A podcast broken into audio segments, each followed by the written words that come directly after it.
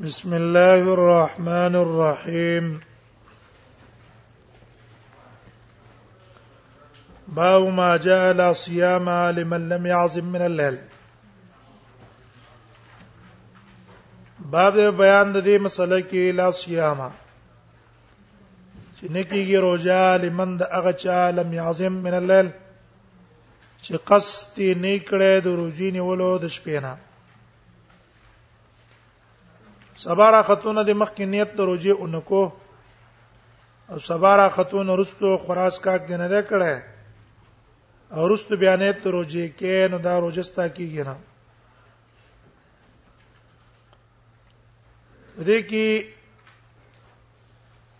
داوود ظاهری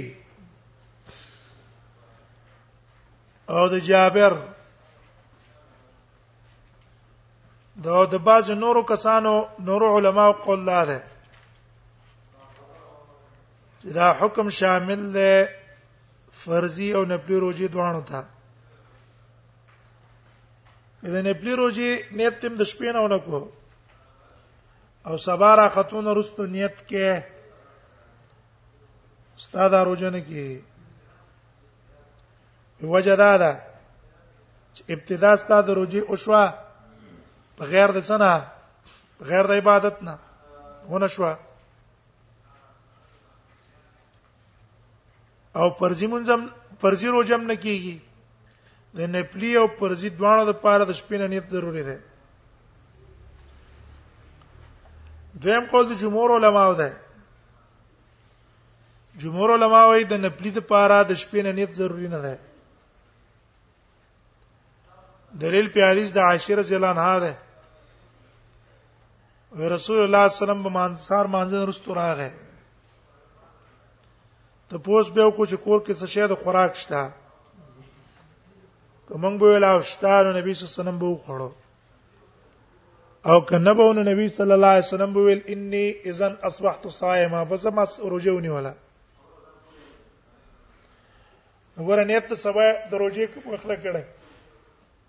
سار مانځنه بعد نا وخت کړه ودا حدیث د عائشه رضی الله عنها دلیل شو په دې چې دا حکم نوافل ته نه شامل لا صيامه لمن لم يجمع الصيام من الليل دا حکم نوافل ته نه شامل دا فرض ته شامل نه بیا د جمهور علما اختلاف دی په دې کې آیا فرضي روزه د رمضان دا د شپې نه نیت ونه کو او سبا نه د داغې نیت کو او شروع د کدا روزه دي سې کیږي کنه نو جمهور علما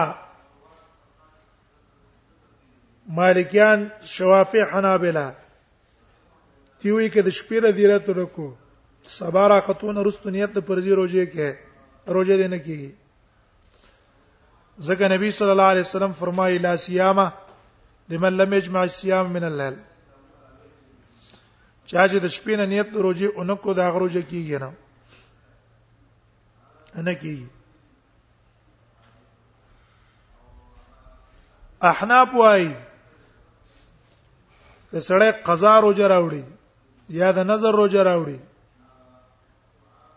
صوم النظر دا هغه لپاره د شپې نه نیت ضروری ده ځکه چې فرق راشي دغه وخت او د دینه په غیر کې نه پلی روزي ک پرځي روزي د نیت د شپې نه ضروری نه ده که د زوال نه مخکې مخکې نیت وکړلو په شرط دی چې خوراک کا کې نه کړه نه پلی روزي هم سې کی پرځي روزي هم سې کی دلیل په دینه والا وی رسول الله صلی الله علیه وسلم ته ګوي ورکړې شو د رمضان اې د الله نبی بیګا ما مې شي دره زوال نرستو د زوال نمک کې نبی صلی الله علیه وسلم اعلان وکړ چې چا خوراک نه کړي خپل روزه دی پوره کړي او که چا خوراک هم کړي امساک دیو کی وګوره کده شپې نه نیت خو ثوابونه وکنه او دا سار نه وکړو لیکن جمهور علما جواب کوي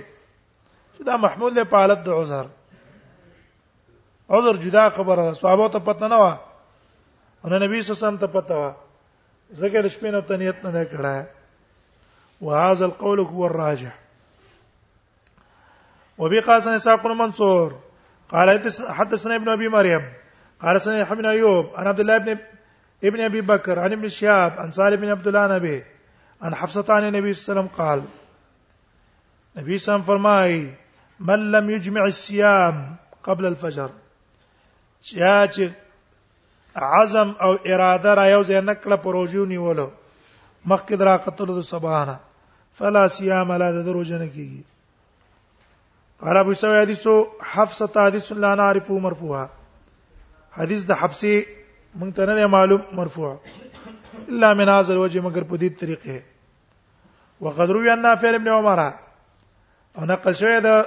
نافع عن ابن عمر قوله دا داغه قول ده وهو صح ودا قول څه ده دا صحیح ده وانما معنى هذا عند بعض العلم وذي مطلب پنځ د بعض علماو دا ده چې لا صيام لمن لم يجمع صيام قبل طلوع الفجر في رمضان په رمضان کې ده او فی قضاء رمضان او فی صيام نظر یا د نظر روزه کې اذا لم ينوي من الليل دی ولیو کو شهرو کې چې دا خاص ته بچا پوره رمضان پوره او کوم حدیث د عائشې چې نوافل ته د حدیث د عائشې د وجه ته شروع استثناء شو نو کوم علما چې دا قول په عموم باندې وای نوافل او فرایض ته شامل غسی نشو واما صيام التطوع ومباح وینه پلی روزي نه ولا مباح دي له ان ينويه د پاره دا جایز دي چې دا غي نه تو کې بعد ما اصبح پس سنا پس سبا کورونه دا قول د امام شافعي امام احمد اسحاق دغه قول ده باو ما جاء في افطار الصائم المتطوع باو بیان د دې کې چې یو سړی نه پری روزه نیولې او هغه نه پری روزه ما ته کړه آیا د دې نه پری روزه قضا په د لازمه ده کنه دا مسله اصل کې جز ده د هغه مسله چې نظم النفل بالشروع والا په نوافلو کې چې شروع کینو آیا وفا په تا لازمه ده کنه د احناف علماو مذهب دا ده او د مالکیانو مذهب هم دا ده احناف او مالکیان چې لازم النفل بالشروع تا په نوافلو کې شروع کړه دا پتا لازم شو ابا خامخا کې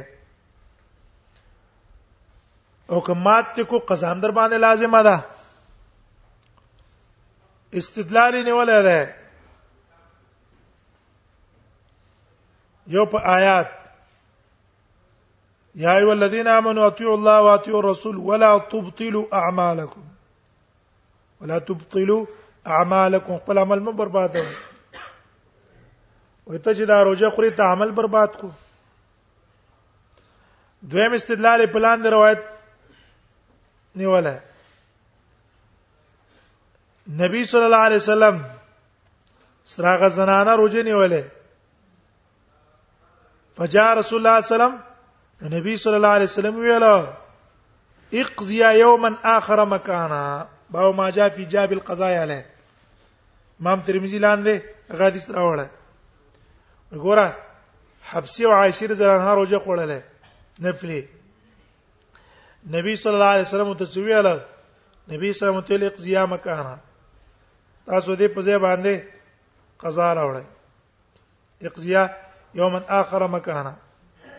دې په ځای بل ورځ قضا راوړی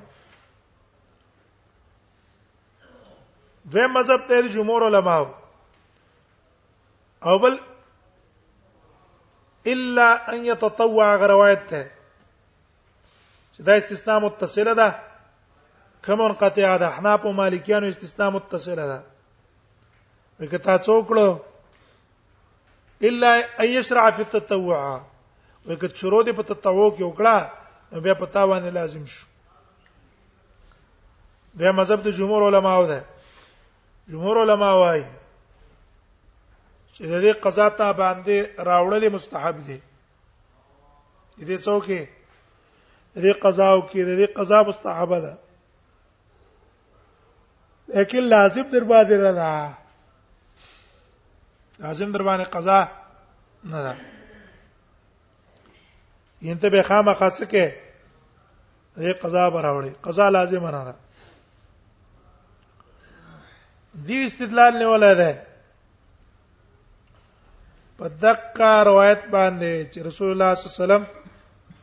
فرمایلی المتطوع امین نفسه بل روایت کې دي امیر نفسه ان شاء صام او ان شاء افطر خو خیر وجدي ونیسی هغه خو خدي ماته دي کې ان شاء صام او ان شاء افطر خو خیر وجدي ونیسی که خو خیر ماته دي کې بل دغه روایت ته ان الصائم المتطوع اذا افطر فلا قضاء عليه هغه باندې دغه روایت ته قالت لا قال فلا يضرك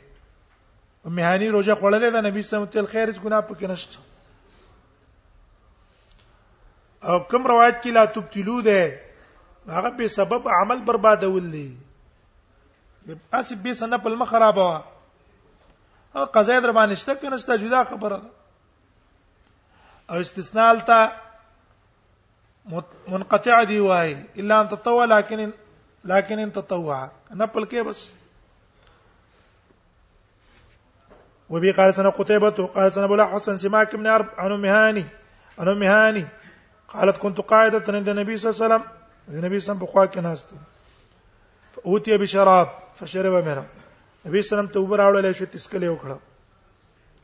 ثم ناولني فشربت منه به مال را کړم ما تسکلو کړم وقلت ما تل اني اذنبت ما خو ګناه وکا فاستغفر لي ما له بخنه وغواړه قال وما ذاك وې څه شي دي قالت كنت صائمه وما تل ز خروج مني ولا فافطرت رجب ما تکړه قال راتو الى من قضاء ان كنت تقضي دا قضا و پتا چې تا دغه قضا راوړله قالت لا وینا قال فلا يضرك خير ضرر نه درکې وبالباب نبي سيد وعائشه حديث ام هاني في اسناد مقال والعمل عليه عند بعض العلم عمل پښتا بعض علم من اصحاب النبي صلى الله عليه وسلم وغيرهم ان الصائم المتطوع روزدار چې نبلی روزې نیولې اذا افطر چې روزه مات کی فلا قضا علی پاغه قضا نه الا يحب ان يقضيه ان کدا خوخه چې داغه قضا راوړي دا قول سفیان ثوری امام احمد اسحاق شافعی وبي قاسم محمود بن غيلان قال سن ابو داود قال سن شعبه قال كنت اسمع سماك بن حرب يقول وما دا غنه وريدي احد بني ام هاني حدثني فلقيت انا افضلهم سو سم ملاقيشم و فلقيت انا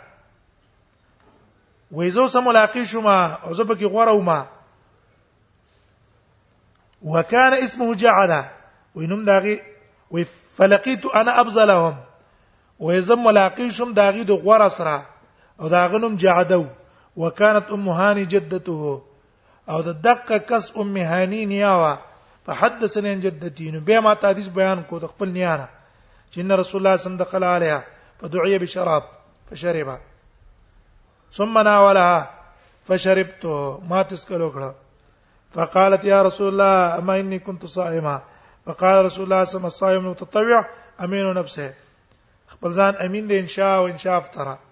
ان شاء صامک خوخه روزه دی ونیس ان شاء خوخه ماته دی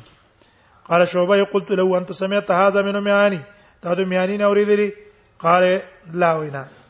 اخبرني ابو صالح واهلنا او معاني ابو صالح او معاني او زمنګ آل د معاني نه دا مونږ ته بیان کړه خپل متنه دی اوریدلی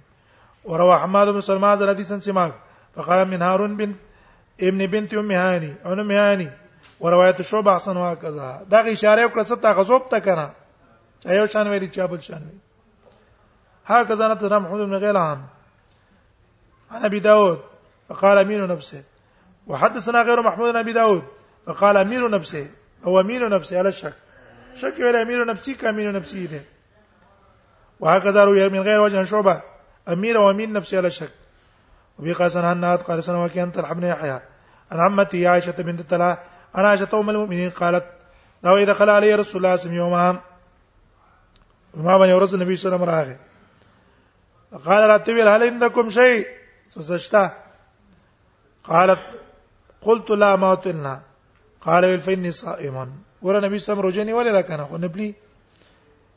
او به قاسم عود بن غیلانه قال سنه بشر سریان سفیان انت الحبن احیان عائشه بنت لا انا شتو من المؤمنین قالت ان كان النبي صلى الله عليه وسلم ياتيني النبي صلى الله عليه وسلم راتلو فيقولون ما تبراين دك غزا غدا غدا د سشتا فاقول لا ما بتلنا فيقول النبي صلى الله عليه وسلم اني صائم بس ما روجني ولا قالت دا وی فاتانی یوما یو ورځ راغې قلت یا رسول الله اې دا الله نبی انه قد اهدیت لنا هدیه چا موږ ته هدیه راکړې قال وما هي وجدي ما وتویل الواده قال ما اني اصبحت صائما بما خو اراده د روزي کړې و قال دا ثم کله به نبی سم څوک خوراک وکړو او سره دې روزي قضای هم نه وړله قال ابو سعيد حديث حسن حديث حسن ده